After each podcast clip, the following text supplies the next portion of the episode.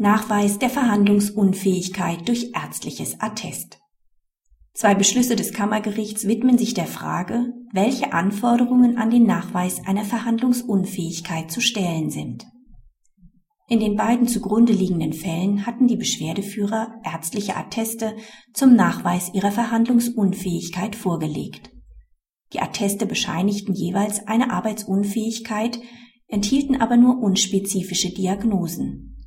Ein Attest verwies durch einen ICD-10-Schlüssel auf eine unspezifische gastroenterologische Erkrankung.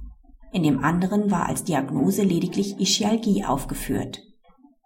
Das Kammergericht bestätigte die Entscheidungen der Vorinstanzen, wonach die Angaben in den Attesten nicht ausreichten, um eine Verhandlungsunfähigkeit nachzuweisen.